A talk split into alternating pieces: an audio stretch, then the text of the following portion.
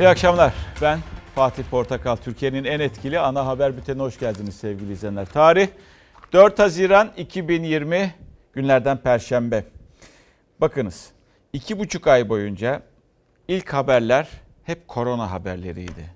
Korona ile mücadele, koronanın güncesi, korona şöyle oldu, korona böyle oldu, ileride böyle olacak, şöyle olacak derken derken derken 4 Haziran 2020'nin gündemi siyaset. Ve siyaset bugün çok ısındı. Isınmanın da ötesinde çok gerginleşti. Çünkü Türkiye Büyük Millet Meclisi'nde 3 vekilin biri CHP'li, ikisi HDP'li, 3 ismin vekilliği düşürüldü. Artık vekil değiller. Birazdan Ankara'ya gideceğiz. Ee, Kemal Aktaş bilinenin dışında o kulislerde denilen yani perde arkasında neler yaşandı, neler ne oldu da bir anda e, işleme konuldu. Türkiye Büyük Millet Meclisi Başkanlığı tarafından bu kimin bir direktifiyle oldu? Gerçekten bir özgür iradeyle mi oldu yoksa bir direktif mi geldi? Günler öncesinden bunun bir ipucu verilmiş miydi bir cümleyle? Birazdan o e, perde arkasını öğrenebildiği kadarıyla Ankara'nın önemli ismi Kemal Aktaş'tan alacağız. O bilgileri bize verecek ama öncelikle tabii biz güne bakacağız. Güne bakmadan önce de dedim ya siyaset çok gergin gidiyor uzun zamandır gergin gidiyor. Bildim bileli gergin gidiyor. Bildim bileli gergin gidiyor. İşte e, nereye gider bu işin sonu onu bilmek mümkün değil. Ama işin sonu bu akşamki tabela oldu.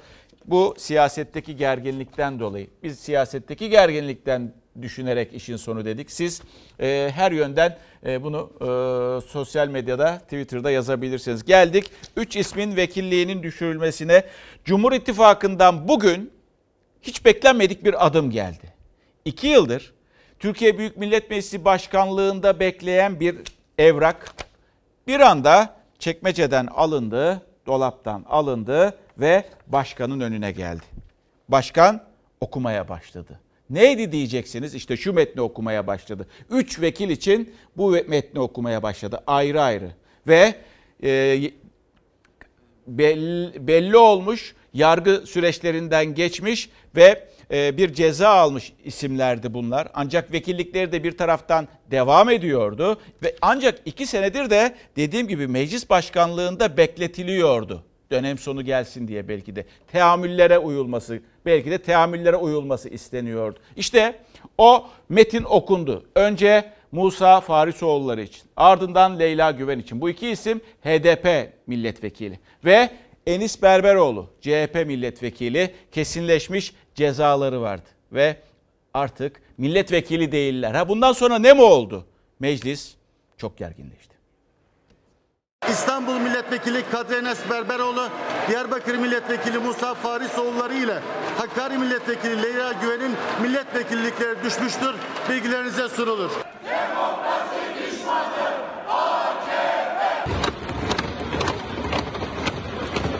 CHP'li Enis Berberoğlu'yla HDP'li Leyla Güven ve Musa Farisoğulları'nın milletvekillikleri düşürüldü, mecliste, siyasette karıştı. Yargılandıkları davalardan hapis cezaları daha önce kesinleşen 3 milletvekilinin dokunulmazlık fezlekeleri bir anda meclis gündemine geldi. Sert tartışmalar arasında okundu ve 3 ismin cezaevine girmelerinin yolu açıldı. Milletvekilliğim düşürüldü. Kalan 18 aylık cezamı yatmak üzere cezaevine teslim olacağım. Bu karar bana hiçbir şekilde şaşkınlık yaratmadı. Demokrasi için bedel ödenecekse bu bedeli önce CHP'liler öder. Genel kurulda bekçi kanunu görüşülüyordu. Ancak kulisler 3 ismin milletvekilliklerinin düşürülmesine ilişkin tezkerenin gündeme alınacağı bilgisiyle hareketlenmeye başlamıştı. Muhalefet vekilleri iktidarın hamlesinden önce önlem almaya çalıştı. Sayın milletvekilleri lütfen yerlerinize oturun. Neden bugün geldi bu dosya buraya? Bugün kimden talimat aldınız? Vahiy mi geldi? Bu darbedir, darbedir, darbedir. Siz bu kararı birçoğunuz bugün öğrendiniz. Kardeşim bu fezleke geleli iki yıl oldu ya. Siz iki senedir niye hukuku çiğnediniz? Meclis başkanlığında kendisine gelen bu tezkereleri burada okuyarak usulü bir işlemi yerine getirecektir. Mahkumiyet kararlarını veren bağımsız mahkemelerdir. Kesinleşen yargı kararları genellikle yasama döneminin sonuna bırakılıyordu. CHP Binali Yıldırım döneminde bu yöndeki tahammülü hatırlattı. Ancak 3 milletvekiliyle ilgili bu tahammül işletilmedi. Tezkereleri genel kurula sevk edildi. Meclis Başkan Vekili tezkereleri okutacağım dedi. CHP ve HDP sıraları ayaklandı. 97 sayılı kararını kaldırarak devletin güvenliği iç veya dış siyasal yararları bakımından Atatürk'ten hesap soran bir meclis Erdoğan'dan talimat alır hale geldi. Yazıklar olsun. Yazıklar olsun. Yazıklar olsun. Kimse bu milletin birlik, beraberlik, kardeşlik, demokratik hukuk devleti mücadelesine asla gölge düşüremez. Sizleri duymuyorum. Sizleri dinlemeyeceğim. Siz Yassıada'ya gidip Menderes oluyorsunuz, Ankara'ya geliyorsunuz, burada Kenan Evren oluyorsunuz. Darbeci oluyorsunuz. Olmaz böyle. HDP'li iki vekil Leyla Güven ve Musa Farisoğulları KCK ana davasından yargılandı. Hapis cezaları Yargıtay tarafından 24 Eylül 2019'da onandı ve meclise gönderildi. O tarihten bu yana bekletiliyordu. Milletvekillikleri düşmüştür. CHP İstanbul Milletvekili Enis Berberoğlu ise MİT davasından 5 yıl 10 ay hapis cezası almıştı. 2018 yılında tutuklu yargılanan Berberoğlu için 2018 Eylül'ünde milletvekilliği sona erinceye kadar cezasının infazının durdurulmasına ve salı verilmesine karar verilmişti. Enis Berberoğlu'nun milletvekilliğinin düşürülmesi içinde yaşadığımız 20 Temmuz sivil darbe sürecinin bir sonucudur. Millet iradesinin yok sayılmasıdır. Adaleti, hakkı ve hukuku sağlamak için demokrasi mücadelesine devam edeceğiz. Böylece CHP'nin milletvekili sayısı 139'dan 138'e, HDP'ninki ise 60'tan 58'e düştü. Karardan sonra da mecliste tansiyon uzun süre düşmedi.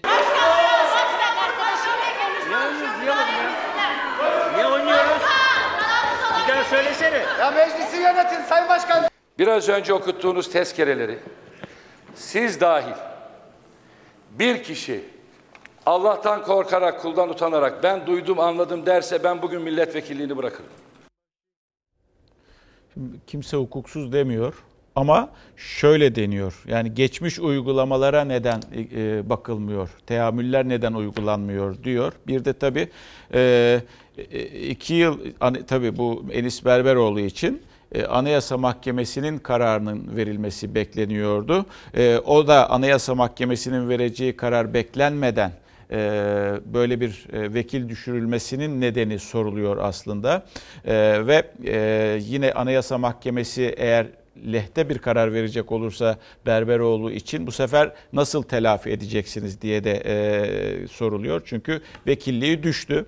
Bir de en çok konuşulan e, iki yıl niye tutuldu? Neden o rafta bekletildi de ne oldu da e, o e, işte karar okundu? E, neden e, olduğu söyleniyor. Ha burada CHP'ye de eleştiri var. Kemal Kılıçdaroğlu'na 2016 yılındaki haklarında fezleke hazırlanmış 138 vekilin işte e, vekilliklerinin e, düşülmesine yönelik anayasa değişikliği ile ilgili e, Kemal Kılıçdaroğlu'na da bu şekilde bir eleştiri söz konusu. Biz şimdi gidiyoruz e, Ankara'ya. Ankara'da Kemal Aktaş karşımızda parlamento muhabirimiz. E, Kemal sen anlayabiliyor musun? Ne oldu da iki yıldır bekletilen e, o e, dilekçe bir anda bugün meclis başkanı tarafından okundu. Ne oldu? Aslında benden çok e, buradaki siyasi aktörler, meclisin aktörlerine, iktidarına, muhalefetine bakmak gerekiyor. Belki bunun anlamlandırılabilmesi için. Şimdi muhalefet cephesinde e, özellikle kesinlikle böyle bir adım beklenmiyordu. Bunun bir hamle olduğu e, konusunda net muhalefet cephesi. İktidar cephesinde ise bir sessizlik hakim ama Engin Altay birçoğunuz bugün öğrendiniz e, bu kararı dedi. Hakikaten de bugünün gündeminde böyle bir e, karar yoktu. Yani 3 e, milletvekilinin fezlekelerinin Meclis Genel Kurulu'na getirilip okutulmasıyla ilgili bir karar yoktu. 2'de saat e, 13.45'te danışma kurulu toplandı. Evet. O danışma kuruluna getirildi. E, şaşkın şaşkına döndüler muhalefet milletvekilleri. E, sonrasında da genel kurul hareketlendi. Dolayısıyla e, hiç beklenmeyen e, bir hamleydi bu ama öncesi var e, Fatih Portakal. Muhalefet kulislerinde şu konuşuluyor. Koronada artık ikinci döneme geçildi. Normalleşme süreci başladı. Bundan sonra konuşulacak en sıcak konu ekonomi. İşte bu ekonomi gündemini e, perdelemek için iktidar bu hamleyi yaptı. değişikliği. E, şeklinde bir değerlendirme e, var. E, çünkü Bundan önceki e, liderlerin yani Cumhur İttifakı cephesinin açıklamalarına da bakıyorlar muhalefet. E, iktidarı özellikle e, 15 Mayıs'taki Bakanlar Kurulu'nun sonrasında Cumhurbaşkanı Erdoğan'ın yaptığı bir açıklama e, vardı. E, bu zihniyeti dizayn edeceğiz, tasfiye edeceğiz e, şeklinde. Tabi sandığa e, işaret etmişti ama e, o e, sözleri çok tepki çekmişti Peki, özellikle CHP Kemal- cephesinde. Hemen sonrasında 15 e, Mayıs'ta da e, MHP lideri Devlet Bahçeli'nin milletvekili dokunulmazlıkları ile ilgili Evet. e, bir düzenlemenin yapılması, netliğe kavuşturulması noktasında bir açıklama vardı. Evet. İşte o açıklamaları üst üste koyunca e, bir de e, konjonktür, günün rutin e, gündemiyle ilgili konjonktüre bakıldığında e, bu hamleyi belki bir anlamda anlamlandırmak e, mümkün olabilir e, Fatih Portakal. Peki şimdi e, milletvekillikleri düştü. Yarın e, cezaevine mi girecekler bu üç vekil? Prosedür böyle mi işliyor? Hayır, e, şöyle meclis başkanlığı bugün e, milletvekilliklerini e, düşü- düşürdü, me- meclis düşürdü daha doğrusu. Meclis başkanlığı da bir üç milletvekilinin vekilliğinin düşürülmesiyle ilgili yazıları e, davaların görüldüğü başsavcılıklara e, e, gönderecek. Enis Berberoğlu'nunki İstanbul Cumhuriyet Başsavcılığı, e, diğer HDP'li iki vekilinki Diyarbakır Cumhuriyet Başsavcılıkları. 2-3 gün içerisinde bunun gönderilmesi bekleniyor. Başsavcılıklarda dosyalar önlerine geldiğinde 10 gün içerisinde gelip teslim olmaları yönünde Ha. bir çağrı yazısı gönderecek. Yani bir iki haftalık bir süreç var diyebiliriz cezaevlerine, e, milletvekillerinin cezaevine gitmeleri için. Artık önlerinde bir e, e, şey cezaevine gitmelerinin önünde bir engel yok. Yok, yani kalmadı. dokunulmazlıkları Kalmadı, kalktı. evet. Haklarında kesinleşmiş bir hüküm var. E, dolayısıyla e, cezaevine gidecekler. Evet. Peki önümüzdeki günlerde yani böyle sürprizler bekleyebilir miyiz Kemal? Ne diyorsun? Yani bugün hiç beklenmedik bir şey diyorsun. Bir hamle ve şaşkına döndü diyorsun muhalefet kesimi. Ya önümüzdeki günlerde bildiğim kadarıyla e, ana muhalefetin lideri hakkında da bazı dosyalar var. E, onlar da meclise gelebilir mi önümüzdeki günlerde böyle ansızın sürpriz bir şekilde? Ne diyorsun? Dokunulmazlıklarının kaldırılması yönünde. Vekilliklerinin düşmesi değil. Dokunulmazlıklarının da- kaldırılması yönünde. Evet tam da söylediğin gibi Fatih Portakal. Az önce bir CHP'li kurmayla, meclis kurmayıyla e, konuştum. E, olabilir diyor. Yani dokunulmazlıkların kaldırılması hatta CHP Genel Başkanı Kılıçdaroğlu'nun bile e, dokunulmazlık fezlekesi var. CHP'nin toplam 209 dokunulmazlık fezlekesi var. Şu anda e, HDP'nin hatırlamıyorum en fazla fezleke HDP'nin ama 600 civarında filan 600 e, bildiğim civarında, doğru. kadarıyla. 650. Şimdi bunları tek tek getirebilirler e, e, belki. Eğer hani e, o design denen ya da tansiyonu ayarlama noktasında e, böyle bir hamle de e, gelebilir. Dolayısıyla siyasetin siyasetin tansiyonu iyice yükselebilir. E, CHP kulislerinde e, böyle bir e, ihtimalden de söz ediliyor açıkçası. Şu anda meclis genel kurul açık herhalde. Şu anda peki ortam nasıl orada? Şu an sakinleşir gibi oldu. Ara da verildi. Az önce CHP'nin e, CHP Grup Başkan Vekili Engin Altay'ın e, çağrısıyla e, ayağa kalktı CHP'li vekiller ve alkışlı protestoya başladılar. Uzun süre devam etti. Başkan vekili oturuma ara ve ara verdi. E, aradan sonra tekrar alkışlı protesto devam etti. HDP'liler de e, katıldı bu protestoya ama bu arada tabii şunu da söylemek gerekir. E, gerek AK Parti sıraları gerek MHP sıraları diğer tarafta İyi Parti'de e, sü- sükunetle yani sessizlikle e, bu eylemi Protestoyu. e, takip ediyorlar, Evet. izliyorlar. Herhangi bir karşılıklı bir e, gerilim yok. Sadece kararın gerginliği ve protestolar var. Peki. Çok teşekkürler. Bekçi Kanun'un bugün görüşmelerine devam edilecek. Evet, Bitene peki. kadar e, onu bekleyeceğiz. Peki çok teşekkürler. Ee, Kemal Aktaş bu gelişmeyi bize aktardı. Sevgili izleyenler tabii şimdi Kemal Aktaş çok önemli bir maddeden bahsetti. Devlet Bahçeli'nin 15 Mayıs'ta yapmış olduğu açıklama. Devlet Bahçeli'nin vermiş olduğu e, o 15 Mayıs'taki açıklamasında şöyle diyordu. 15 Mayıs bakın bugün ayın kaçı 4'ü aşağı yukarı bir 20 günlük bir süre 20 gün önce Mil- milletvekilliği dokunulmazlığı ile ilgili beklentiler karşılanmalıdır. milletvekilliği dokunulmazlığı ile ilgili beklentiler karşılanmalıdır diye bir mesajı vardı. Maddeler halinde yazılmıştı. İşte acaba bu mesajın bir e, mesajla bir ilgisi var mıdır yok mudur?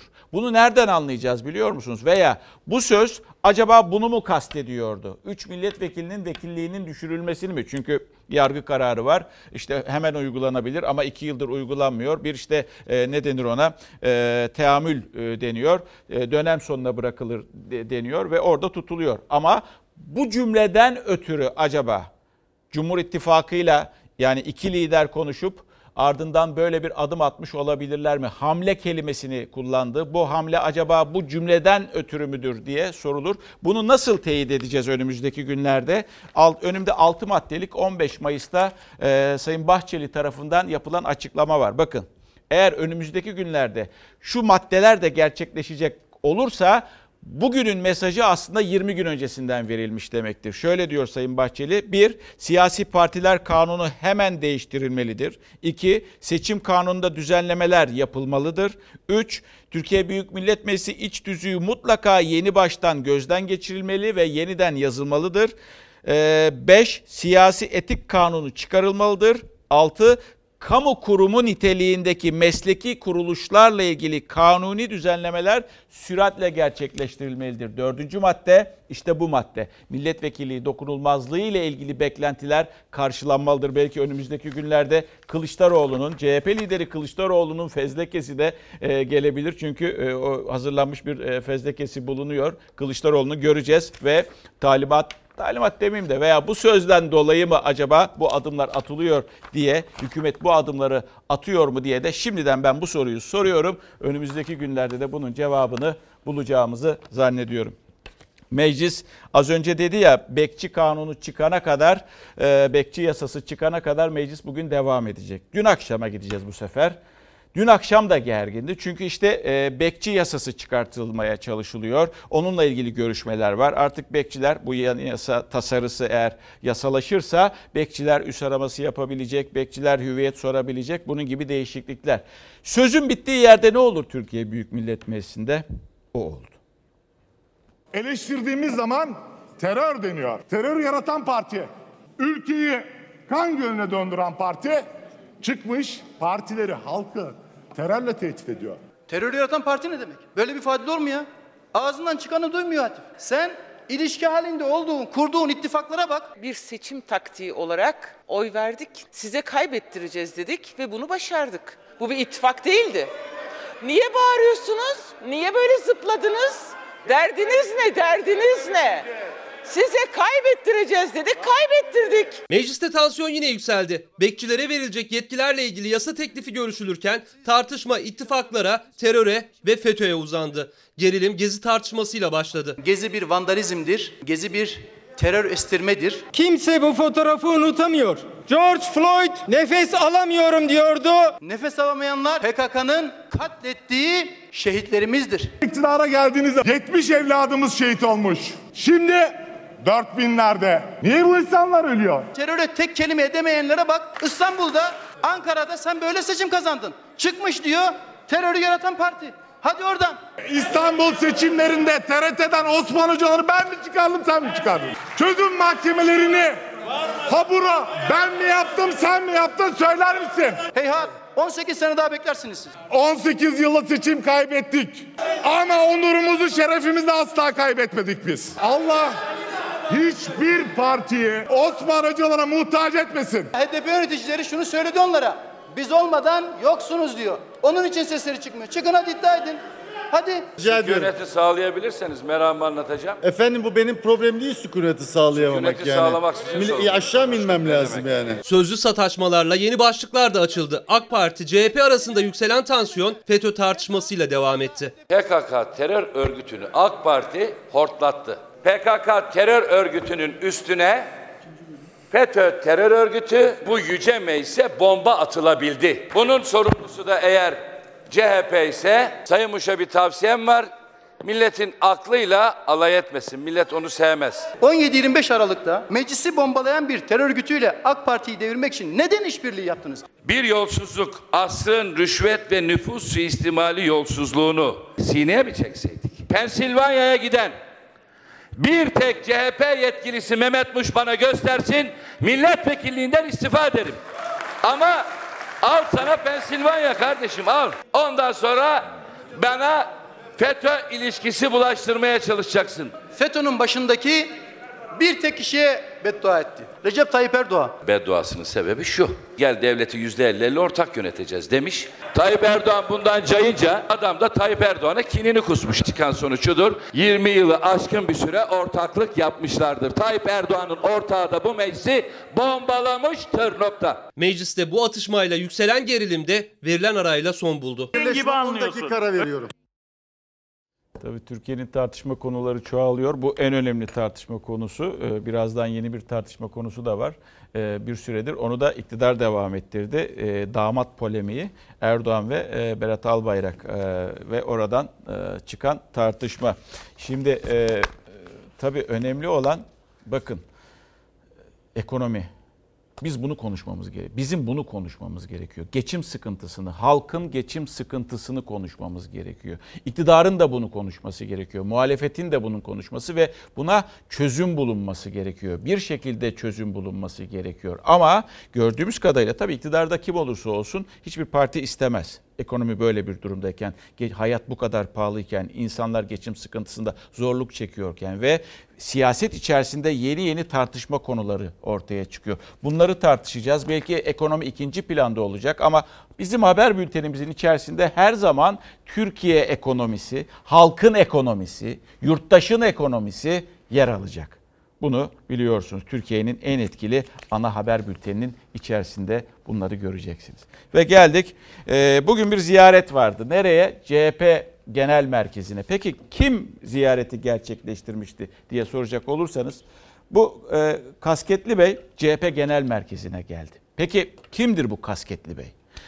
Ee, 2019 yılında şehit cenazesine gitmişti biliyorsunuz Kemal Kılıçdaroğlu Ankara'nın Çubuk ilçesine bir şehit cenazesi vardı ve orada Yener Yener Kırıkçı'nın e, şehit Yener Kırıkçı'nın cenazesine gitmişti. Orada saldırıya uğramıştı bu kişi tarafından.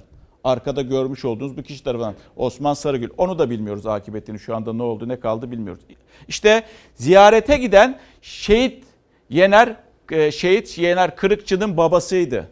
Mustafa Kırıkçı bugün CHP Genel Merkezi'ne geldi ve Kılıçdaroğlu'yla sohbet etti.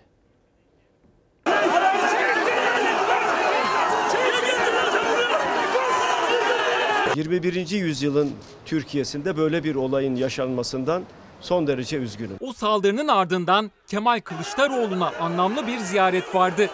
Cenazesine gidip saldırıya uğradığı şehidin babası CHP liderini makamında ziyaret etti. Bir süre görüştüler ve şehit babası Mustafa Kırıkçı Kemal Kılıçdaroğlu'nu evine çubuğa davet etti. Piyade er Yener Kırıkçı 2019 Nisan'ında Türkiye-Irak sınır hattında teröristlerle çıkan çatışmada şehit olmuştu. Şehidi Ankara Çubuk'ta son yolculuğuna uğurlamaya gelenler arasında CHP lideri Kemal Kılıçdaroğlu da vardı. Öfkeli bir kalabalık karşılamıştı CHP liderini.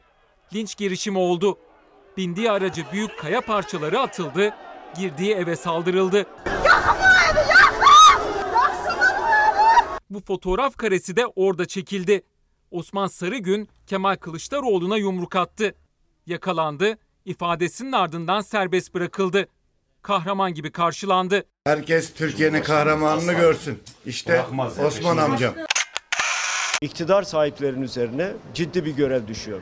Suçlayarak değil, sonuca ulaşarak, failleri bularak ve onları adalete teslim ederek görevlerini yerine getirirlerse e, ben de bundan mutlu, mutluluk duyarım ve benzer olaylarda bir daha Türkiye'de yaşanmamış olur. 3 yıl 10 aya kadar hapsi istenen Sarıgün serbest cenazesinde linç girişimi yaşanan şehit Yener Kırıkçı'nın babası Mustafa Kırıkçı ise Kemal Kılıçdaroğlu'nu ziyaret etti. CHP lideri Kırıkçı'yı kapıda karşıladı. Şehit babası bu ziyaretiyle Kılıçdaroğlu'na yönelik saldırıyı kınadığını bir kez daha göstermiş oldu. Ardından Kırıkçı CHP Genel Başkanı'nı yeniden çubuğa evine davet etti. Şimdi tabii bu fotoğraf karesinde bir şey dikkatinizi çekti mi? Bizim çekti. Şimdi e, şehit babasını karşılıyor. Burası Kemal Kılıçdaroğlu'nun odası. Ve dikkat edin orada bir e, portre var. iki çerçeve var. E, birisinin yağlı boya resmi ve yanında da bir yazı. Şimdi bu bizim dikkatimizi çekti. Ve kimdir dedik yani bu acaba genel merkezde asılacak nitelik niteliğe sahip kim olabilir diye düşündük. Tanımıyoruz da yani şimdi göreceksiniz ve işte e, onu bir e, soralım dedik kim olduğunu. Belki sizin de e, dikkatinizi çekmiştir. İşte yağlı boya resim ve burada da bir şiir var ondan sonra. Ve bunu CHP Genel Merkezi'ne sorduk. Çok ilginç bir bilgi çıktı. Bakın kimmiş? Bir kere bir kere yağlı boya portreyi yapan 1941 yılında e, Bursa cezaevinde olan Nazım Hikmet. Nazım Hikmet bu portreyi yapıyor cezaevindeyken, Bursa cezaevindeyken yapıyor bunu. Yağlı boya resmini yaptığı bu kişi ise Kartallı Kazım lakabı. İsmi İbrahim Göleber. Kartallı Kazım e, Nazım Hikmet'in Kurtuluş Savaşı destanında yer alıyor. Kurtuluş Savaşı destanında yer alan o Kartallı Kazım'ın e, e, isminin geçtiği bölüm. O biliyorsunuz uzun Kurtuluş e, Savaşı e, destanı e, Nazım Hikmet'in. Ve e, aynı zamanda Kartallı Kazım'ın ismi Nutuk'ta da geçiyormuş sevgili izleyenler. Ve Göleber ailesi Göleber ailesi bunu e, Kemal Kılıçdaroğlu'na geçtiğimiz yıllarda hediye ediyor. Aynı zamanda Kartallı Kazım yani İbrahim Göleber Kuvayi Milliyeci, iyi bir Kuvayi Milliyeci, vatansever ve bu şekilde de e, CHP Genel Merkezi'nin Genel Başkanı'nın odasında bu yağlı boya resimde yer alıyor. Dikkatimizi çekmişti, sizinle paylaşalım dedik. Ve siyaset. Ha bu arada meclisle ilgili şu bilgiyi vereyim. Kemal Aktaş az önce bildirdi. Meclis kapanmış protestolar yüzünden. Bekçiler yasası yarına kaldı, görüşülecek. Ee, bu bilgilendirmeyi yapalım. Ee, yeni partiler acaba iktidar partisi için bir tehlike olabilir mi? Yani hangi partilerden bahsediyorum? AKP'nin içinden çıkmış Gelecek Partisi, yine AKP'nin içinden çıkmış Deva Partisi. Birinin başında Ali Babacan, diğerinin başında Ahmet Davutoğlu var. Ve söylenen o, Hürriyet gazetesinden bir yazar bunu gündeme getirdi. Ee, o e, kapalı kapılar arkasında konuşulan e, partili Cumhurbaşkanı Recep Tayyip Erdoğan'ın arkadaşlarına verdiği talimat buymuş. İddia bu şekilde. Yazarın iddiası bu şekilde. O partileri ve liderleri dikkate almayın. Kendisi de muhtar bile olamaz diye göz ardı edilmişti. Şimdi aynı yöntemleri bize karşı uygulamaya çalışıyor. Ölü doğdular. Onlarla meşgul olmayın. Onları Adem'e, yokluğa mahkum edin. Bunların hiçbiri bizi zerre kadar ilgilendirmiyor. Daha önce de yine isim vermeden üstü kapalı hedef almıştı Cumhurbaşkanı AK Parti'den ayrılan Ali Babacan ve Ahmet Davutoğlu'nu. Gelecek ve Deva Partileri için ölü doğdular ifadesi kullandığını Abdülkadir Selvi yazdı son MYK toplantısında konuşulanları. Zaten CHP'ye yakın olmak onlar açısından en büyük ayıptır. Gönüllü hareket halinde büyüyor. Bütün Türkiye'de büyüyor. Zaten bundan korktukları için bize sataşıyorlar. Böyle kalkıp YouTube'larda belli adımlarla netice almanız mümkün değil. Daha birkaç sene öncesine kadar omuz omuza verdiğimiz insanlar bizim indirin dışına itmeye çalışıyorlar. Son dönemde AK Parti'den ayrılan, kendi partilerinin başına geçen iki isim de açıklamalarıyla gündemde. Özellikle de Davutoğlu'nun başbakanlığı döneminde FETÖ ile mücadeleye ilişkin 15 Temmuz darbe girişiminin kilit ismi Mehmet Dişli ile ilgili açıklaması. Emekliye sevk edilmesi konusunda ben de MİT müsteşarımızda çok ısrarlı olduk. Son gece kanaat değişti. Ölü doğdular. Onlarla meşgul olmayın. Onları Adem'e, yokluğa mahkum edin. Cumhurbaşkanı Davutoğlu'nun çarpıcı açıklamalarıyla ilgili bugüne kadar hiç değerlendirme yapmadı. Selvi'nin köşesine taşıdığı bilgilere göre Erdoğan MYK üyelerine de yeni partilerle meşgul olmayın dedi. Milletvekili transferini önlemeye dönük olduğu iddia edilen yasa değişikliği de gündemindeydi. Asla bu transferlerle ilgili değil, siyasi ahlakla ilgiliyiz. Siyasi partiler yasası ve seçim yasası üzerinde bir çalışma yapalım. Sonra bu çalışmayı değerlendiririz. Şimdi yaptıkları reform falan değil. Kafalarındaki gerçek model olan otoriter bir devlet anlayışına ülkeyi bir kıskaca sokmak için zıtlaşıyor. Gelecek Partisi'nin çıkışını engelleme görevi de veya ona saldırma görevi de Bahçeli'ye ve Perinçek'e verilmiş. MYK üyelerine Cumhurbaşkanı'nın talimatları, Davutoğlu'nun iş bölümü yapmışlar açıklaması. İlerleyen süreç yeni tartışmalara gebe. Doğru. İlerleyen süreç yeni tartışmalara gebe. İlerleyen süreç bir seçim getirir mi? E, bu soru bu kez Numan Kurtulmuş'a soru, e, soruldu. AKP'li önemli isme. Kurtulmuş, Türkiye bugün itibariyle erken seçim şartlarına sahip değildir. Erken seçim olmayacaktır diyor. Ama burada önemli bir söz şu, bugün itibariyle. Yani şu an için yarını bilmek tabii ki mümkün değil. Türkiye Büyük Millet Meclisi'ne e, ne oluyor dedik. Türkiye Büyük Millet Meclisi'nde e, meclis tatil edildi. E, kapandı daha doğrusu protestolar yüzünden. E, yine e, arkadaşlarım bana söyledi. E, Kemal Aktaş aktardı. CHP'liler daha sonra meclis başkanı odasına gidiyorlar. Protestolarını meclis başkanı odasının kapısının önünde devam ediyorlar. Tüzüğü bırakıyorlar ve tüzüğe, meclis tüzüğüne uyulmasını istiyorlar. Protestolarını meclis kapısı, meclis başkanının kapısının önünde sürdürüyorlar. Ve sonra da ayrılıyorlar oradan. Türkiye Büyük Millet Meclisi epey bir gerginde. Önümüzdeki günler daha da hararetli olacak gibi görünüyor. İşte dedik ya polemikler artık tartışılacak. Yani şimdi bunun tartışması olacak. Üç vekilin tartışması olacak. İşte e, 2016 yılında CHP e, Kemal Kılıçdaroğlu'na yüklenilecek. Diğer taraftan iki yıl neden beklettiniz denecek vesaire. Niçin AYM'nin kararı beklenmedi denecek de denecek de denecek. Bu her gün artacak. Daha Erdoğan konuşmadı. E, Sayın Cumhurbaşkanı da konuştuğunda daha da hareketlenecek veya hararetlenecek. Veya Sayın Bahçeli konuştuğunda daha da hararetlenecek. E, ve Ardından bir başka tartışma daha var. O tartışma da e, devam edecek gibi görünüyor sevgili izleyenler. Aslında uzunca bir süredir e, muhalefet tarafından dile getiriliyor. İktidar çok fazla buna cevap vermezdi. İktidardan bu sefer e, parti sözcüsü cevap verdi. Damat polemiği yine biliyorsunuz. Berat Albayrak Recep Tayyip Erdoğan'ın damadı ve aynı zamanda da Maliye Bakanı. İşte o yüzden de zaten e, damat olarak yükleniyorlar. İyi Parti veya e, CHP'liler veya diğer partiler. Bu kez cevabı yani e, parti içerisinden dediğim gibi Ömer Çelik verdi. Savundu e, Berat Albayrak'ı. Sosyete damat diye bir şey uydurmuşlar çirkin bir şekilde. Aile kavramını kim siyaset konusu yapıyorsa yaptığı ahlaksızlıktır. Siz AK Parti Genel Başkanı'nın Cumhurbaşkanlığı koltuğunda oturan damadını bakan yapınca bu aile siyaseti olmuyor. Biz saray sosyetesinin damadına sosyete damat dediğimiz zaman neden bu aile siyaseti oluyor? Hazine ve Maliye Bakanı Berat Albayrak'ın aynı zamanda Cumhurbaşkanı ile kayınpeder damatlık ilişkisi siyasetin gündeminde. AK Parti MYK toplantısından sonra parti sözcüsü Ömer Çelik, sosyete damat diyen CHP sözcüsüne cevap verdi. Faik Öztrak'tan jet cevap önce sosyal medya hesabı üzerinden Çiçek Abbas filminden bir replik hatırlatmasıyla geldi. Ne diyem? Mahmut mu diyem? Sürekli olarak aile ilişkileri üzerinden bir de çirkin bir şekilde bir siyaset yapıyorsunuz. Zekası yeten, aklı yeten çıkar ekonomi konusunda, siyaset konusunda, dış politika konusunda söyleyeceği argümanı söyler. Büyük bir alınganlık ortaya çıkmış. AK Parti'nin MYK'sında anlaşılan milletin dertleri bir kenara bırakılmış,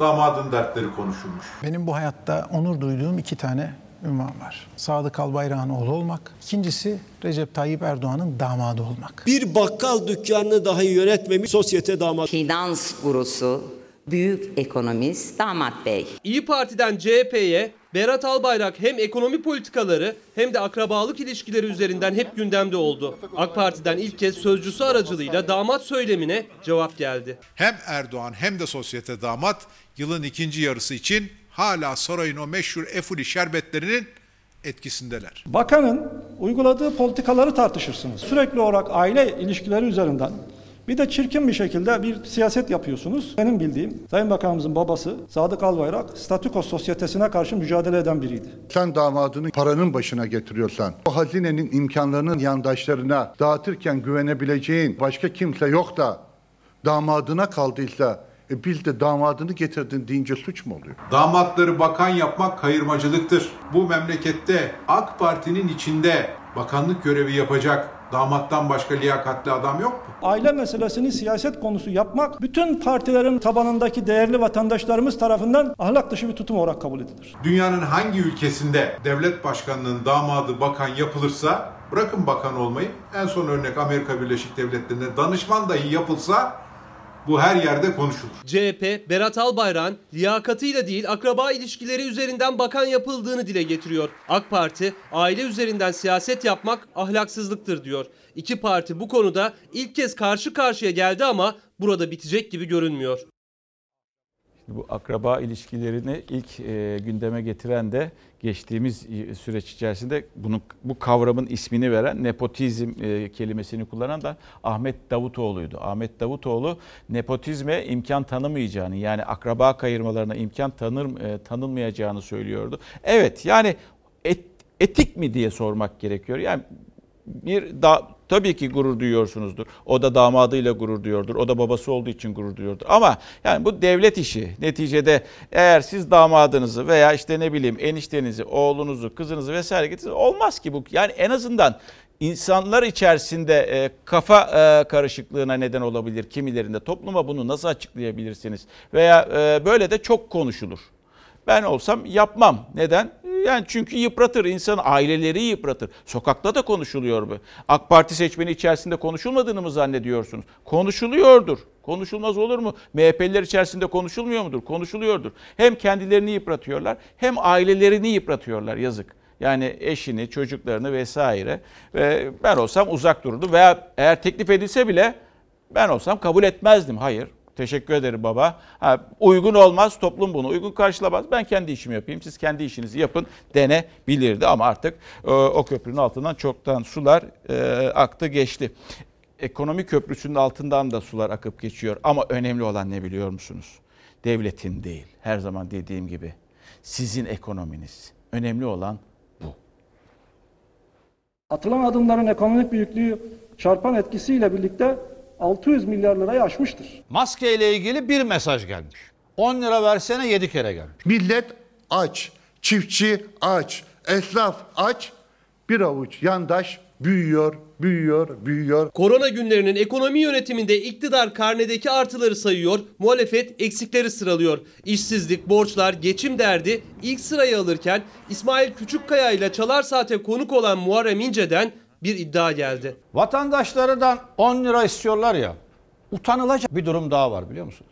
İneklerden de 10 lira istiyorlar. Yakında dereden su içtiği için de 10 lira ister. Düşünebiliyor musunuz Türkiye'nin geldiği noktayı? Çiftçinin kredi borcu 4 milyarmış, 120 milyara çıkmış. Yani çiftçi tarlasının tamamını satsa bu borcu ödeyemeyecek durumda. 684.103 esnafımıza 16 milyar 906 milyon finansman desteği sağlanmıştır. Damadın parayı senin şatafatına harcıyor. Senin yandaşlara verdiğin ihalelere harcıyor. E, soruyoruz biz de kardeşim damadın bin liraya geçinebiliyor mu diye. E sen sadece 900 milyon kültür bir yıl içerisinde sarayda yemek yemişsin. Söylemeyelim mi? CHP israf kalemini de açtı. Katar'la yapılan swap anlaşmaları da gündemden düşmüyor. Diğer ülkelerde swap swap dolaşıyorsunuz. Katar'la bir swap anlaşması yaptık değil mi? Evet para değiş tokuşu. Evet. Şimdi bakın 35 ülkeye yalvardık. Ne yapmaya çalışıyorlar? Swap, emanet para arıyorlar. Gide gide kime gittiler? Katar'a gittiler. Ne kadar aldılar? 10 milyar dolar aldılar. Eğer siz 213 milyar 700 milyon israfı yapmamış olsaydınız şu anda hazinede 30 milyar dolar olacaktı. Ekonominin yaraları nasıl sarılacak? İktidar, muhalefet farklı cephelerden tartışıyor ama ortak noktada buluşulamıyor. Bir mesaj hemen okuyayım. Birazdan korona haberlerine başlayacağız. Artık saat 8'den sonraya sarkacak o. E, toplu taşıma ayakta gitmeye izin veren, yurt dışı uçuşu açan devlet neden mesafe ve hijyen şartlarını uygulayacak internet kafeleri açmıyor? İşin sonu nereye gidiyor diye sorar. İnternet kafeler biliyorsunuz dün de vardı çok fazla, bugün de vardı. Birazdan birazdan onlarla da ilgili bir haber var. Az önce az önce bir fotoğraf karesi vardı. Hatta arkadaşlara da sordum. Ee, uçak kabininden çekmişler. Üç kişi koltukta oturuyor. Biliyorsunuz Türk Hava Yolları öyle bir açıklama yapmadı. Yani bir e, 2-3 koltukta arası boş e, uçuşların e, olacağını söylemedi. E, bütün koltukların dolabileceğini yani normal uçuşların olabileceğini söylüyor. Yan yana oturmuş o, uçakta full herkesin ağzında maske ve o şekilde uçuş sağlanıyor. O fotoğrafı koyup o fotoğrafı koyup neden bazı yerler açılmıyor diye veya esnaflar mağdur ediliyor diye e, dert yananlar da vardı. Sosyal medyadan iletisini gönderenler de vardı. Şimdi geldik ee, zaman zaman görüyorsunuz bu ismi. Lütfi Türkkan. Ee, İyi Parti'nin önemli bir ismi. Grup Başkan Vekili sevgili izleyenler. Ve Lütfi Türkkan'ın e, fabrikasıyla ilgili bir haber gündeme geldi. Kocaeli'ndeki bir fabrikasıyla ilgili gündeme geldi bu haber. Ve ister istemez tabii işin aslı ne diye sorulmaya başlandı. Çünkü kaçak olduğu iddia ediliyordu. Bay Lütfi Türkkan Anonim Şirketi 126 bin metrekare orman arazisi üzerinde mi değil mi? Orası 24 bin metrekare bir alanda kurulu bir fabrika. Zat hakkında tarafıma birçok bilgi ve belge ulaştı. Belediyelerden, kamu kurumlarından eşlerine, yeğenlerine şirket kurdurup ihale almak yerine memleketin meseleleriyle uğraşmaya kafa yorsunlar. Belgeler, iki tarafında açığa çıkardığını iddia ettiği bilgiler, Kocaeli'nin AK Partili ve İyi Partili iki vekili karşılıklı suçlamalarla ard arda mecliste kamera karşısına geçti.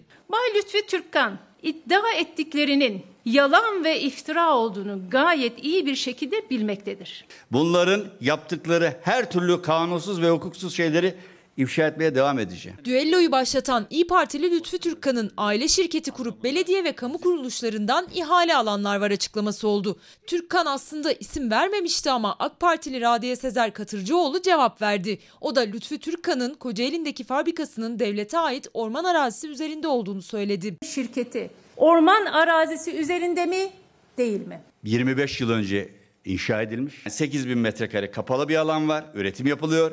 12 bin metrekare de boş bir alan var. Orman kadastrosu geçince oradaki bütün fabrikalarda olduğu gibi bazı orman arazisinde taşmalar olduğu tespit edilmiş. Türkkan fabrikanın boş olan alanının bir kısmının kadastro geçmesiyle orman arazisi içinde kaldığını, bu yüzden Orman Müdürlüğü ile kira sözleşmesi yaptıklarını söyleyerek iddiayı yalanladı. Ama Katırcıoğlu'nun mecliste siyasi süreci başlatıyorum açıklamasından hemen sonra fabrika arazisi içinde kalan orman arazisi mühürlendi. Yalan iftiralarını içeren beyanlar için siyasi süreçleri başlatıyorum. Hanımefendinin açıklamasından sonra da çok komik bir şeydir. Şuranın köşesini düşünün. Oraya da bir mühür takmışlar. Fabrikada falan mühürlendiği yok. Onları rahatsız etmeye devam edeceğim. Devletin sırtına yapışmış keneleri ifşa etmeye devam edeceğim. Yine gelen mesajlar var. Bir tanesi siyasetle ilgili. Biliyorsunuz AK Parti'nin içerisinden iki parti doğmuştu. Gelecek Partisi ile Deva Partisi. Geçmişten bir söz hatırlatılıyor. Ee, Erdoğan'ın e, Davutoğlu'na söylediği bir söz. Diyor ki Ramazan Bey, şimdi ne oldu ki Davutoğlu için e, beni nasıl bilirsiniz? Ahmet kardeşimi de öyle bilin diye başbakan yapılmamış mıydı? Ama o köprünün altından çok sular geçti. Çok sular geçtiği için de zaten artık e, yollar da ayrıldı ve iki parti birbiriyle daha doğrusu 3 3 ayrı parti oldu. Şimdi gelen mesajlar içerisinde benim dikkatimi çekti e, geçtiğimiz günlerde gelmişti bu okulların açılması ile ilgili 15 Ağustos'ta e, bir özel okulların e, telafi sınavıyla telafi eğitimi ile ilgili telafi eğitimi, tamamlama ve uyum eğitimi. Şimdi bakın bir aile şöyle diyor attığı mesajda bana. Aşısı bulunmamış, ciddi ölüm tehlikesi olan bir virüse virüse karşı karşıyayken bağışıklığı zayıf, öz bakımları yapmakta zorlanan, sosyal mesafenin ne olduğunu kavrayamayan çocukların eğitimden çok korunmaya ihtiyacı var. Eğitimden çok korunmaya ihtiyacı var diyor. Devam ediyor. Toplumun en savunmasız kesimini gözden çıkarttılar. Çocuklardan bahsediyor çünkü. Hangi akla, hangi vicdana sığdı bu karar?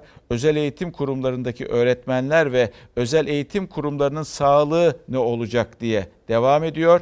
Lütfen bu yanlıştan dönülsün ve bir an önce de yeni karar alınsın deniyor. Ama biraz tabii biraz sonra e, 65 yaşını konuşacağız. Ee, yani çocuklarla birlikte 65 yaşlı da zaten bir isyan noktasında. Belki onlarla da ilgili bir düzenleme önümüzdeki günlerde gerek 65 yaşla ilgili gerek çocukların eğitimiyle ilgili 15 Ağustos ve 30 Ağustos'la ilgili 31 Ağustos'la ilgili yeni düzenlemeler belki önümüzdeki günlerde gelebilir. Ama e, reklamdan sonra konuşacağız. E, saat başı tekrar karşınızda olacağım. Ardından 8.30'a kadar haberlere devam edeceğiz. Bu arada belki e, tabii ki e, korona ile ilgili yeni sayısal veriler de Sağlık Bakanı tarafından açıklanmış olabilir diyelim reklam. Tekrar iyi akşamlar. Saatlerimiz 8'i gösteriyor. 1 dakika var daha doğrusu 19.59 ee, ve saat başına yaklaştık iyice. Ee, az sonra tabii halkın ekonomisi de, yurttaşın ekonomisi de ekrana gelecek. Yani neler yaşıyorlar, talepleri ne, ne oluyor onu anlamaya ve anlatmaya çalışacağız. Ve internet kafeler hala da e, çok organize olmuş durumda ve o kadar organize olmuş durumdalar ki birkaç gündür çünkü esnaf olarak da sayıları çok fazla ve mağdurlar, zor durumdalar. Ee, mesela biri yazmış ödemeler olmuyor, çark dönmüyor, işin sonu nereye gider diye soruyor kendisi. Tabii önümüzdeki günlere bakmak gerekiyor ki hükümet bununla da ilgili bir karar alacaktır diye düşünüyorum. Önemli bir gelişme yaşandı. Nerede? Libya'da. Eğer Türkiye devreye girmeseydi Libya'da belki de Libya bugün bambaşka olabilirdi. O yapılan anlaşma olmasaydı bambaşka sonuçlar ortaya çıkabilirdi. Ve bugün gelinen noktada Trablus'tan e, Hafter'e ait güçler çıkartıldı. Çünkü Trablus'un bazı iç noktalarına veya banliyölerine girmişlerdi. Ve bugün gel ve bu işte bu önemli günde e, Ulusal Mutabakat Hükümeti'nin baş, e, başkanı olan kişi Saraç Türkiye'ye geldi. Erdoğan'la birlikteydi. E, bir görüşme yaptılar. Sonrasında da karşılıklı e, açıklamalar yapıldı ve Cumhurbaşkanı'nın aslında bu cümlesi önemli mesajın nereye gittiği de aslında belli. Libya'yı darbecilerin ve lejyonerlerin insafına bırakmayacağız. Peki lejyoner dediği acaba kim? Türkiye destekli Libya ordusu isyancı Hafter güçlerine ağır darbe vurdu. Başkent Trablus'un işgal altındaki tüm bölgelerini kurtardı. Birleşmiş Milletler'in tanıdığı Libya hükümeti lideri Saraj Türkiye'ye geldi. Cumhurbaşkanı Erdoğan'la görüştü. Türkiye'nin önceliği bir an önce Libya'nın istikrara kavuşmasıdır. Libya'da süren iç savaşta Ulusal Mutabakat Hükümeti'nin Türkiye ile imzaladığı deniz yetki alanlarının sınırlandırılmasıyla güvenlik ve askeri işbirliği mutabakatları dengeleri değiştirdi. Türk Silahlı Kuvvetleri'nin eğitimi ve silahlı insansız hava araçlarının devreye girmesiyle meşru Libya ordusu savunmadan saldırıya geçti. Libya güçleri Birleşik Arap Emirlikleri, Mısır, Fransa ve Rusya destekli Hafter'e peş peşe darbe vurdu. İşgal altındaki yerleri bir bir kurtardı. Dün bir yıldır darbeci Hafter kontrolündeki Trablus Havalimanı'nda bugün de tüm başkentte hakimiyet sağlandı. Libyalı kardeşlerimizi asla darbecilerin ve lejyonerlerin insafına bırakmayacağız. Çoğu paralı askerlerden oluşan isyancılar kaçarken Türkiye destekli Libya ordusu Tarhuna'ya yöneldi. Sahada bu gelişmeler yaşanırken Birleşmiş Milletler'in tanıdığı Libya hükümeti Başbakanı Saraj Ankara'ya geldi. Cumhurbaşkanı Erdoğan Saraj'ı Beştepe'de kabul etti. Saraj'ın bıraktığı sakal Erdoğan'ın dikkatinden kaçmadı. Görüşmede Saraj, Türkiye'ye verdiği destek için teşekkür etti. İki lider Libya'daki son durumu değerlendirdi. Bundan sonraki süreçte isyancı General Hafter'e yönelik atılacak adımları masaya yatırdılar. Libya Başbakanı ülkeyi kan ve gözyaşına boğan Hafter'i savaş suçlusu olarak niteledi. İsyancı generalle müzakere masasına oturulmayacağını açıkladı. Darbeci Hafter'i destekleyerek Libya'yı kan ve gözyaşına boğanları elbette tarih yargılayacaktır. Erdoğan Saraç iki ülke arasındaki işbirliğini de görüştü. Doğu Akdeniz'deki doğal zenginliklerden faydalanmak üzere arama ve sondaj dahil işbirliğimizi ilerletmeyi hedefliyoruz. Saraç, ülkesinin yeniden imarı sürecinde Türk şirketlerini Libya'ya davet etti. Şimdi buradaki o sözde lejyonerlerin insafına bırakmayacağız. Burada tabii esas e, paralı askerlerden bahsediyor. E, herhalde kastettiği Cumhurbaşkanı'nın burada herhalde yok. Rusya işte Fransız güçler, Fransız e, ve Rus güçler e, oradaki e, kuvvetlerinden bahsediyor. Onlar Hafter adına çarpışıyor veya savaşıyor diyelim. Onları kastediyor diye düşünüyoruz burada. Tabii burada Libya ile yapılan o anlaşmanın e, önemli anlaşmanın mimarı olan kişiyi de anmadan geçmemek gerekiyor. Cihat Yaycı emekli general geçtiğimiz günlerde e, istifa etti askerlikten. Deniz Kuvvetleri e, Komutanı Kurmay Başkanıydı. Genel Kurmay karargaha tayini çıktı. E, ataması yapıldı ve o atamanın sonrasında da sert bir mektup yazarak sert bir mektup yazarak ki birilerini de Milli Savunma Bakanı kastediyor diye düşünüyorum ben burada da. Onu da isim vermeden eleştirerek görevinden istifa etti. Askerlikten de istifa etti. Cihat Yaycı'nın ismini de anmadan geçmeyelim. Ve buradan nereye gidiyoruz? Amerika Birleşik Devletleri'ne gidiyoruz. Biliyorsunuz o cinayetin sonrasında, polisin işlemiş olduğu cinayetin sonrasında insanlık suçu diyelim. Ee, Amerika karıştı. Tansiyon biraz olsun hafifledi gibi. Ancak Trump zorda. Yani bir taraftan halka karşı e, zorda. Diğer taraftan Beyaz Saray'a e, Beyaz Saray'la Pentagon'la Beyaz Saray ve Pentagon karşı karşıya geldi ve şöyle bir bakıyorsunuz seçimlere de az kaldı. Kasım'da seçim olacak. Acaba Trump'ın yeni hamlesi veya hamleleri ne olabilir? Polis şiddeti ve ırkçılığa isyan dinmedi. Gösterileri askerle bastırma düşüncesi Trump'la Pentagon'u karşı karşıya getirdi. Amerika'da başlayan gösteriler Avrupa'ya da sıçradı. Fransa'dan İngiltere'ye, Yunanistan'dan İsveç'e sokaklar karıştı.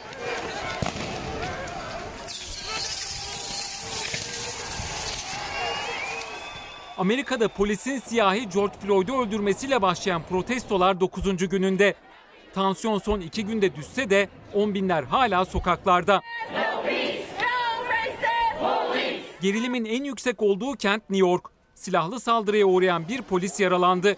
Güvenlik güçleri sokağa çıkma yasağına uymayan çok sayıda kişiyi gözaltına aldı. Amerikan medyası ülke genelinde gözaltına alınanların sayısının 10 binden fazla olduğunu duyurdu. Sokakları savaş alanına çeviren protestolar Başkan Trump'la Pentagon arasında gerilime yol açtı. Trump'ın orduyu devreye sokma hamlesine Savunma Bakanı Esper karşı çıktı. Beyaz Saray anında yanıt verdi. Başkan Trump'ın orduyu sokağa çıkarması için Savunma Bakanı'nın onayına ihtiyacı yok. Başkan Trump'ın emriyle ilk askerler başkent Washington'da göreve başladı. 1600 asker başkente konuşlanırken Trump döneminin ilk savunma bakanı Mattis, Amerika liderini ülkeyi bölmeye çalışmakla suçladı. Anayasamızda dalga geçen liderlerden hesap sormalıyız dedi. Trump aynı sertlikte yanıt verdi.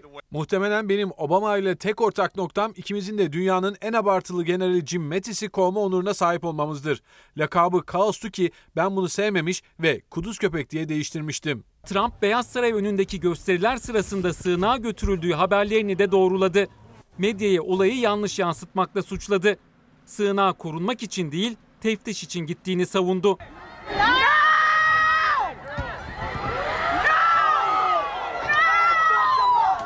George Floyd'un ölümüyle ilgili soruşturma da sürüyor. 46 yaşındaki siyahi adamın ölümüne neden olan polise yönelik suçlama değişti. Üçüncü derece cinayet yerine ikinci derece cinayetle yargılanacak. Suçlu bulunursa 40 yıl hapisle karşı karşıya. Bu arada Floyd'un öldürülmesine müdahale etmeyen 3 polis de tutuklandı. Polisler cinayete yardım ve azmettirme suçlamalarıyla yargılanacaklar. Suçlu bulunurlarsa 10 yıl hapis cezası alacaklar. E, staj yapacak öğrencilerin durumu da meçhul. Onlar da zorda. Meçhul değil, kendi e, kanalımdan biliyorum ertelendi. Neden? Çünkü bu korona süresinde, korona e, olayından dolayı Mustafa diye bir arkadaş demiş ki işin sonu yazın staj yapacak öğrenciler ne olacak diye soruyor. Bu yaz biraz zor. Çünkü alınan önlemler var. Şirketlerin yani hem kamu hem özel şirketlerin almış olduğu koronaya yönelik önlemler var. E, pek çok çalışan evden çalışıyor şu anda. Şirket bünyesindeki pek çok çalışan evden çalışıyor. Yani bu yaz böyle e, geçecek gibi de görünüyor. Ve geldik korona. Bakın artık korona gündemin hangi maddesinde veya e, gündemin neresinde diye e, bir bakmanız gerekiyor. Sonlara geldi gibi. Çünkü siyaset Türkiye'de bir anda ağırlık e, kazandı. Hele bugün yaşananlarla birlikte. 166.422 vaka, 130.852 iyileşen ve 4609 hayatını kaybeden yurttaş. Dünün verileriydi. E, ilerleyen dakikalarda bugünün verileri de gelecek. Ve Fahrettin Koca, Sağlık Bakanı üç önemli koşuldan bahsetti. Lütfen bu üç önemli koşulu dikkatle dinleyiniz. Toplam test sayımız 52.305. Son 3 haftada en yüksek olan test sayısı bugün yapılmış oldu. Yoğun bakım ve entübe hastalarımızda son 3 haftadan bu yana her gün giderek düştüğünü görüyoruz. Yapılan günlük test sayısı artmasına rağmen tespit edilen yeni vaka sayısı dünden daha az. 24 saat içinde 52.305 test yapıldı. 867'sinin sonucu pozitif çıktı. Türkiye'deki toplam vaka sayısı 166.422'ye ulaştı. Hayatını kaybeden 24 kişiyle birlikte toplam can kaybı 4.609'a yükseldi. Diyebiliriz ki ikinci dalga beklemiyoruz. Sağlık Bakanı Fahrettin Koca umut veren bu açıklamayı yaptı ama hemen peşinden ekledi. Bu tedbirlere sıkı sıkı uyulması halinde mümkün dedi. Çünkü salgın tehdidi henüz ortadan kalkmadı. Evden çıktığımızda maskemizi mutlaka takacağız. Aramıza bir buçuk metre mesafe koyacağız. Ve el temizliğine normalde olduğundan daha fazla önem vereceğiz. Uymamız gereken bu üç kural salgından korunmamız ve normalleşme sürecini en az hasarla atlatabilmemiz için altın değerinde. Tabii bir de içinde bulunduğumuz sürecin zorlukları var. Birinci zorluk salgının sona erdiği inancıdır. Ne yazık ki o inanca sahip olanlar bugün hiçbir önlem almadan aramızda dolaşıyorlar ve sadece kendilerini değil temas ettikleri herkesi riske atıyorlar. Mücadelemizde karşılaşacağımız ikinci zorluk tedavide elde ettiğimiz başarıya güvenerek hastalığın ciddiyetinin unutulmasıdır. Önlem almamışsınız maske takmamışsınız. Evet. Neden? Türkiye'nin sağlık çalışanları gerçekten çok başarılı. Ülke... Buna mı güvenerek biraz rehavete kapıldı? Evet. Bize zorluk çıkaracak üçüncü husus risk grubunda olanların tedbirleri gevşetmesidir. Kronik hastalarla 65 yaş ve üstü risk grubunu oluşturan kişiler 65 yaş ve üstünün sokağa çıkma yasağı devam ediyor. Ancak yasağı delip kalabalığın arasına karışanlar var. Bilim Kurulu üyesi Profesör Doktor Hasan Tezer de alınan tedbirler konusunda sık yapılan bir hatanın altını çizdi. Kafe ve restoranlarda çalışanlar da dahil kimsenin eldiven takmaması gerektiğini vurguladı. Uzmanlara göre eldiven taktığımızda kendimizi daha güvende hissedip nasıl olsa eldiven var. Bizi korur diyerek daha fazla yere rahatlıkla dokunabiliyoruz, temas edebiliyoruz. Ancak eldiven takmak yerine ellerimizi yıkamak daha sağlıklı.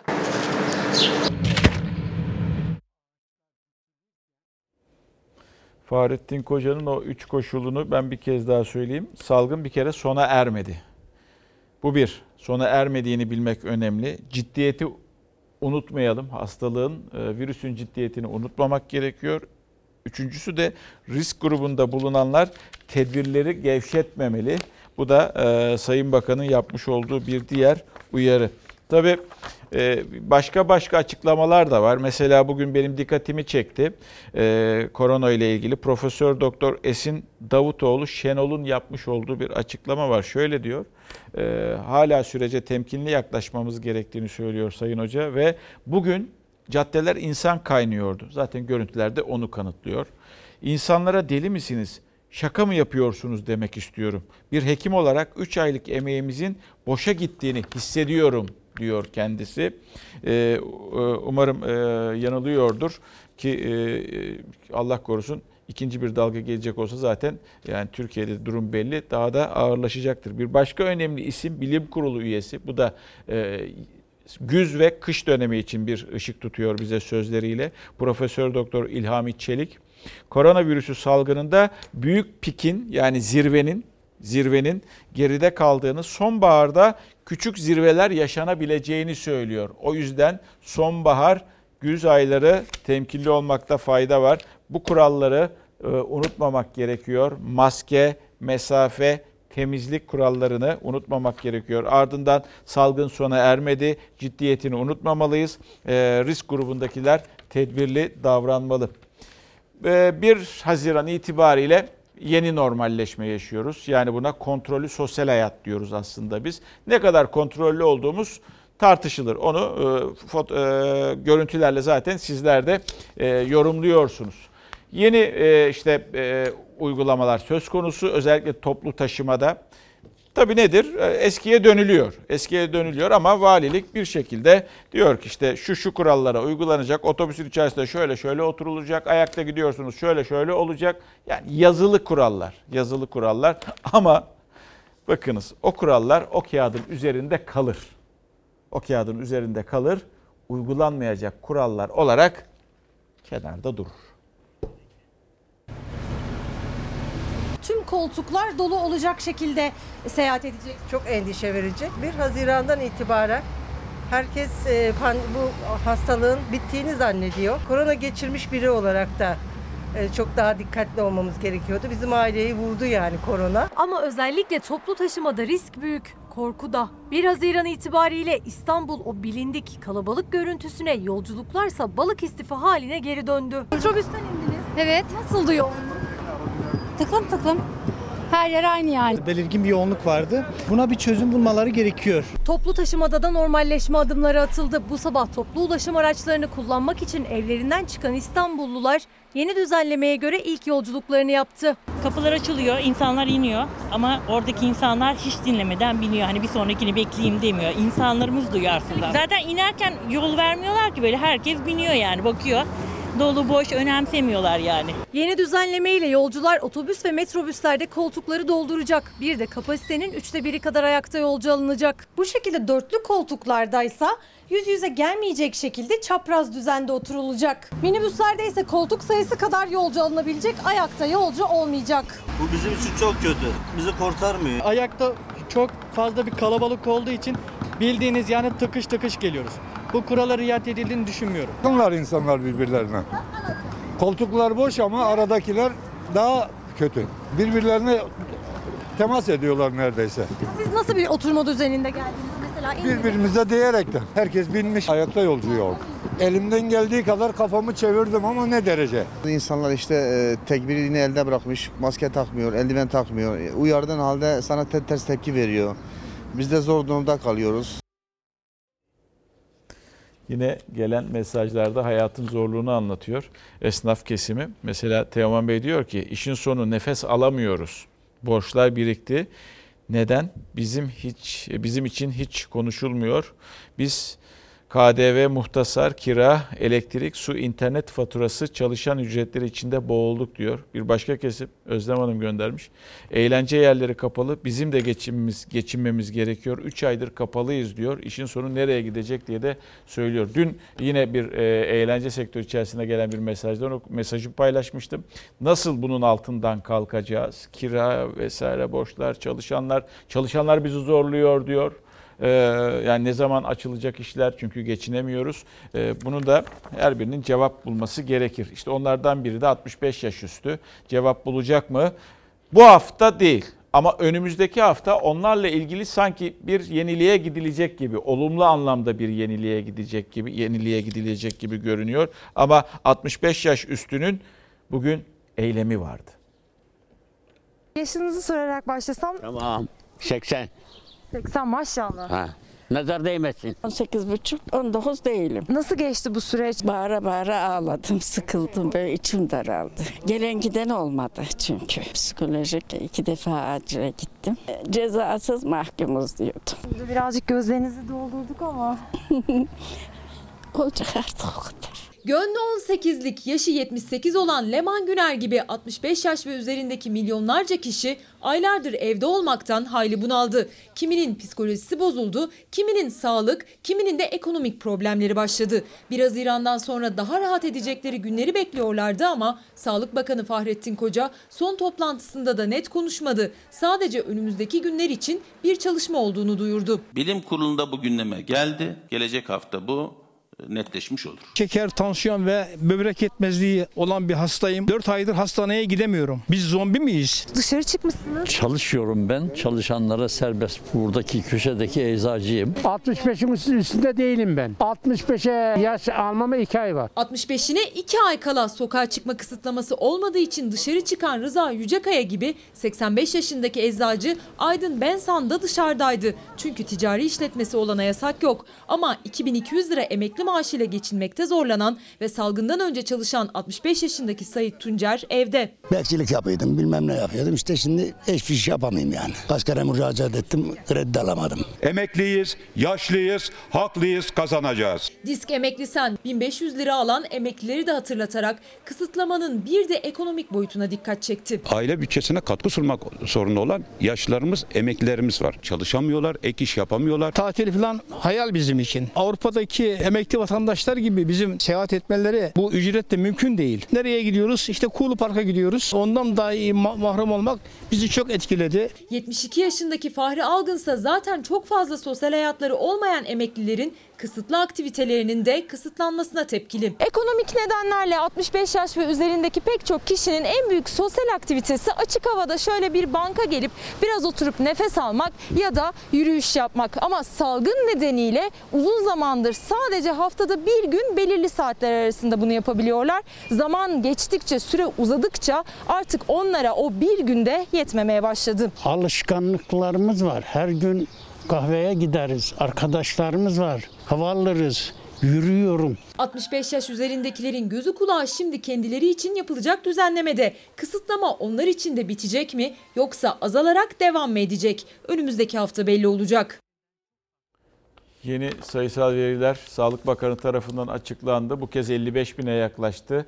Ee, günlük test sayısı e, filyasyon yöntemiyle yapılıyor bu tabii ki. Biliyorsunuz artık. 988 e, ya,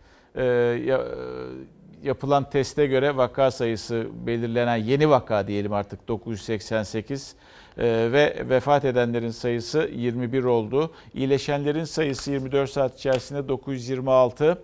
E, Genele baktığımızda, genele baktığımızda 131.378 yurttaşımız toplamda iyileşti. 7 6 867 867 vatandaş yoğun bakım ve e, solunum cihazına bağlı olarak e, hayatını sürdürüyor. 4630 yurttaşı kaybettik bu süreç boyunca. Korona e, süreci boyunca e, kay, e, kaybettik. Bugünkü olan oran yani test ve e, vakayı kıyasladığımızda yüzde 1,82 civarında. Dün 1,65 civarındaydı. Bugün 1,82 civarında. Bu da e, yeni günün e, verisi, bugünün verisi Sağlık Bakanı tarafından açıklandı. Buradan bir bilgi paylaşayım sizlere. Arkada kalsın bu. Şimdi merak ediyor herkes bu virüs mutasyona uğruyor mu, uğramıyor mu, değişiyor mu, değişmiyor mu, yeni versiyonlar ortaya çıkıyor mu diye. Dünya Sağlık Örgütü bir açıklama yaptı ve yapılan çalışmayı paylaştı. Ee, bugüne kadar daha tehlikeli bir hal alacak şekilde koronavirüsün mutasyona uğradığına dair bir işaretle e, işarete rastlanmadığını açıkladı. Bu da Dünya Sağlık Örgütü tarafından yapılan bugün için önemli bir açıklamaydı. Ve Mağdurlara geçeceğim ama önce şu mesajı okuyayım ardından geçelim. Ee, Fatih Bey'e göndermiş. Diyor ki Fatih Bey hiç hacca gideceklerin durumu ne alemde? Kimse bundan bahsetmiyor. Şu an için kesinleşmiş bir şey yok veya çok da dillendirilmiyor, konuşulmuyor. Ama bugün yarın bununla da ilgili bir bilgi mutlaka paylaşılacaktır e, hükümet tarafından diye tahmin ediyorum ben. Ve geldik e, Diyeceksiniz ki ya arkadaş bülten başladı işte mağdurlardan bahsettin, mağdurlardan bahsettin. İşte internet kafeler var, restoranlar var, eğlence yerleri var vesaire. Ve onlar işte onların haberinde sıra. Çünkü onlar aslında büyük bir çoğunluk ve seslerini bir şekilde duyurmak istiyorlar. Her geçen gün boş geçen, çalışmadık, çalışmayarak geçen her geçen gün onların geçim mağduriyeti artıyor. Gün boyu her şey normalde. Ee, saat ondan sonra neden anormal bir durum var? Onu anlamış değilim. Restoranlar, kafeler, pastaneler 21 Mart'tan bu yana müşterilerine hizmet veremiyordu. Salgının kontrol altına alınmasındaki en kritik önlemlerden biriydi bu karar. Yeni normal hayata geçişle birlikte müşteri kabul etmeye başladılar. Ama kısıtlamalar nedeniyle yine mağdurlar. Geçmiş olsun mu diyeyim, hayırlı olsun mu diyeyim? İkisi de diyebiliriz aslında. Ee, çünkü e, saat ondan sonra da dükkanımız açılmıyor. Ee, kapatmak zorunda kalıyoruz. Gece 12-1'e kadar açıktık. Ee, bize de gelen müşterilerin birçoğu e, saat 9'dan 10'dan 11'den sonra geliyor. Restoran sahipleri aylardır kapalı kalan iş yerlerini 1 Haziran'da büyük ümitlerle açtılar. Aylardır uğradıkları zararı kapatmanın beklentisindeydiler ama olmadı. Hem müşterileri azaldı hem de saat 10 sınırına takıldılar. 21 Mart'tan bu yana neredeyse hiç iş yapamayan esnafın şimdi de giderleri arttı. Zararı katlandıkça katlandı. Bu kredileri bir şekilde ödememiz gerekiyor. Bunu günde ödemezsen ya sana icra gelecek ya bilmem ne olacak. Bu benim iki seneme mal oldu. İki senelik benim karımı aldı götürdü. Kesinlikle arabamızı kontağını kapatıp evimizde oturamıyoruz. Biz mutlaka İstanbul halkına hizmet etmek zorundayız. Bir de çalışmasına hiç kısıtlama getirilmeyen hatta tüm kısıtlamalar boyunca aynı düzende çalışan özel halk otobüsleri var.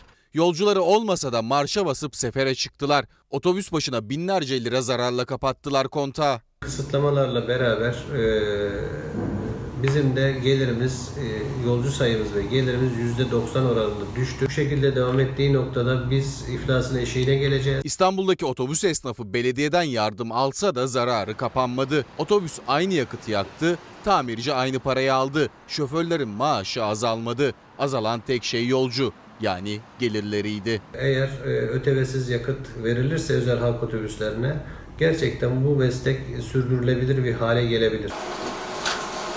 Biz küçük esnaf ve internet kafeciler olarak sürecin ikinci aşamasında açılmayı bekliyorduk. Ama bizim için bu karar çıkmadı maalesef. 16 Mart'tan bu yana kapalı olan internet kafeler içinse hiçbir düzenleme yapılmadı. Bütün önlemleri almış olmalarına rağmen hala iş yerlerini açamadılar. 3 aydır koronavirüs sebebiyle iş yerlerimiz kapalı. Elektrik paralarımız, su paralarımız, internet paralarımız, sigortamız, bağ kurumuz, muhtasarımız, vergilerimiz, muhasebe giderlerimiz. Bundan daha önemlisi çocuklarımızın giderleri ve ev giderlerimizi karşılamakta gerçekten güçlük çekiyoruz. İşte bir gerçek. Nedir?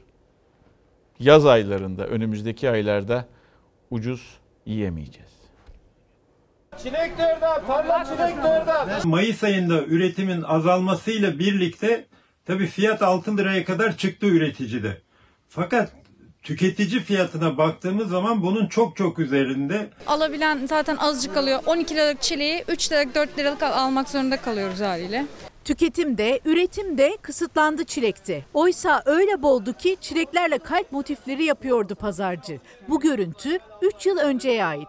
Çilek üretiminde teşvik vardı. Şehri bırakıp köyüne çilek üretmeye dönmüşlerdi. Ancak yıldan yıla artan mazot ve gübre fiyatlarındaki artışı kaldıramadı çilek üreticisi. Kahramanmaraş Türkoğlu Çilek Üreticileri Birliği Başkanı Hüseyin Kaplan'a göre bir yılda %70 zamlandı ilaç ve gübre fiyatları. Buna Covid-19 sürecinde yaşanan işçi bulma sorunu da eklenince üretim azaldı. Araya bir de tedarik zinciri girdi. Çilek mevsiminde zam şampiyonu oldu. 12 liraya gördüm şok oldum. 12 lira düşmüş hali. Dün mesela 15 liraydı. Daha geçen hafta 18 liraydı. Evet markette 20 liraya da gördüm. Yani normaldir. Zam şampiyonu olması normal. Bir gün önce TÜİK tarafından zam şampiyonu olduğu açıklandığında 15 liraydı çileğin fiyatı. Bugün İstanbul'da. Orta halli bir pazarda 10 liraya kadar düştü. Marketlerde değişiyor. Fiyatlar çok uçuk, çok fazla, çok pahalı. Ya bir çeşit alabiliyoruz, çocukların isteği doğrultusunda alıyoruz. Onlar ne isterse bir çeşit alabiliyoruz. Sadece çilek değil yaz meyvelerinin birçoğu öyle. Meyve çeşidi bol ama bir çeşit alıyor tüketici. Aldığını da kiloyla alamıyor. Evet bir kere aldık, yarım kilo aldık. Yani alabileceğimizin en e, düşüğünü alabiliyoruz aslında. 10 liranın altında meyve bulmak zor tezgahta. 10 liranın altını görebilmek için meyvede de indirim günlerini, kampanyaları bekliyor tüketici. Çok alamıyoruz. Ne yalan söyleyeyim kısıtlanarak alıyoruz. İster istemez. oluyor kısıtlamak? E, İlla ki yani birini alıyorsan birini alamıyorsun. Denizin kilosu olmuş. Yani. Bakar mısınız? Ne kadar olmuş? 15 olmuştur yani. Bir kiloyla zaten kaç tane çocuk var yani yetmiyor bile. Artık uzaktan bakılan meyvelerin biri de kiraz. İyi bir kiraz alacak olan 100-150 gram alabiliyor. Daha düşük fiyata da var ama kalitesi kötü. Tarım yazarı Ali Ekber Yıldırım da üretici tüketici arasındaki zincire dikkat çekti. Kiraz tarlada yani bahçede e, 3 liraya 5 liraya en fazla satılırken marketlerde 15 lira 35 liraya kadar e, kiraz satılıyor. Piyasanın tedarik zincirinin iyi denetlenmesi hem üreticinin hem de tüketicinin korunması gerekiyor. Şu ana kadar vurgunu vurdular. Bayrampaşa halinde bütün sebzeleri hepsini çöpe döküyorlar. Halk yemesin diye, fiyat düşmesin diye. Çok yazık günah. Denetim olmadığı için devlet sorumsuz davranıyor. Şimdi gelen mesajlarınızdan bir tanesi Türkiye'de hayat pahalı, geçim zor. Esas odaklanmamız gereken konular bunlar. İşte işsizlik bir sorunu var bir de.